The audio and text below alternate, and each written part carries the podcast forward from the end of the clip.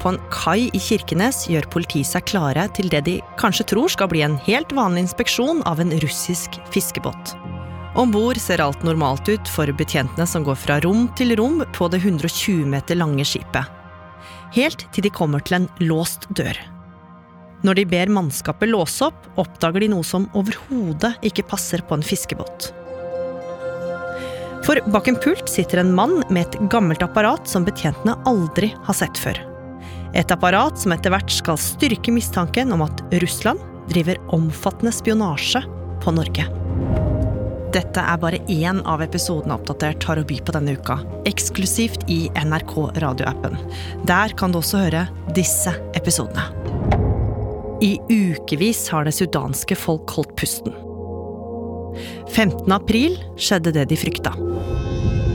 Nå raser voldsomme kamper i gatene mellom to av landets mektigste grupper, i en krise som er en av de verste i Afrika på lenge.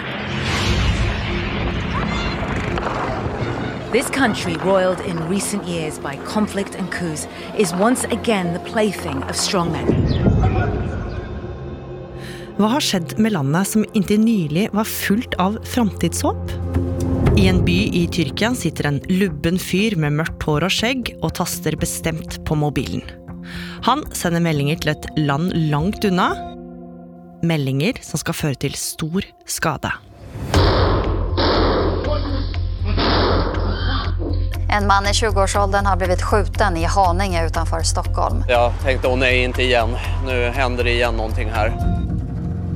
For mannen er en hardbarka kriminell, kjent under navnet Den kurdiske reven, og pekes på som en av de mektigste bakmennene til voldsbølgen i Sverige. Svensk polis stått maktlösa mot den så kallade kurdiska räven. Kurdiska räven Rava Majid. Han misstänks vara en av Sveriges största knarkhandlare och kopplas till flera blodiga gängkonflikter. Hvem er denne fyren, og hvorfor er det ingen som har klart å fange han?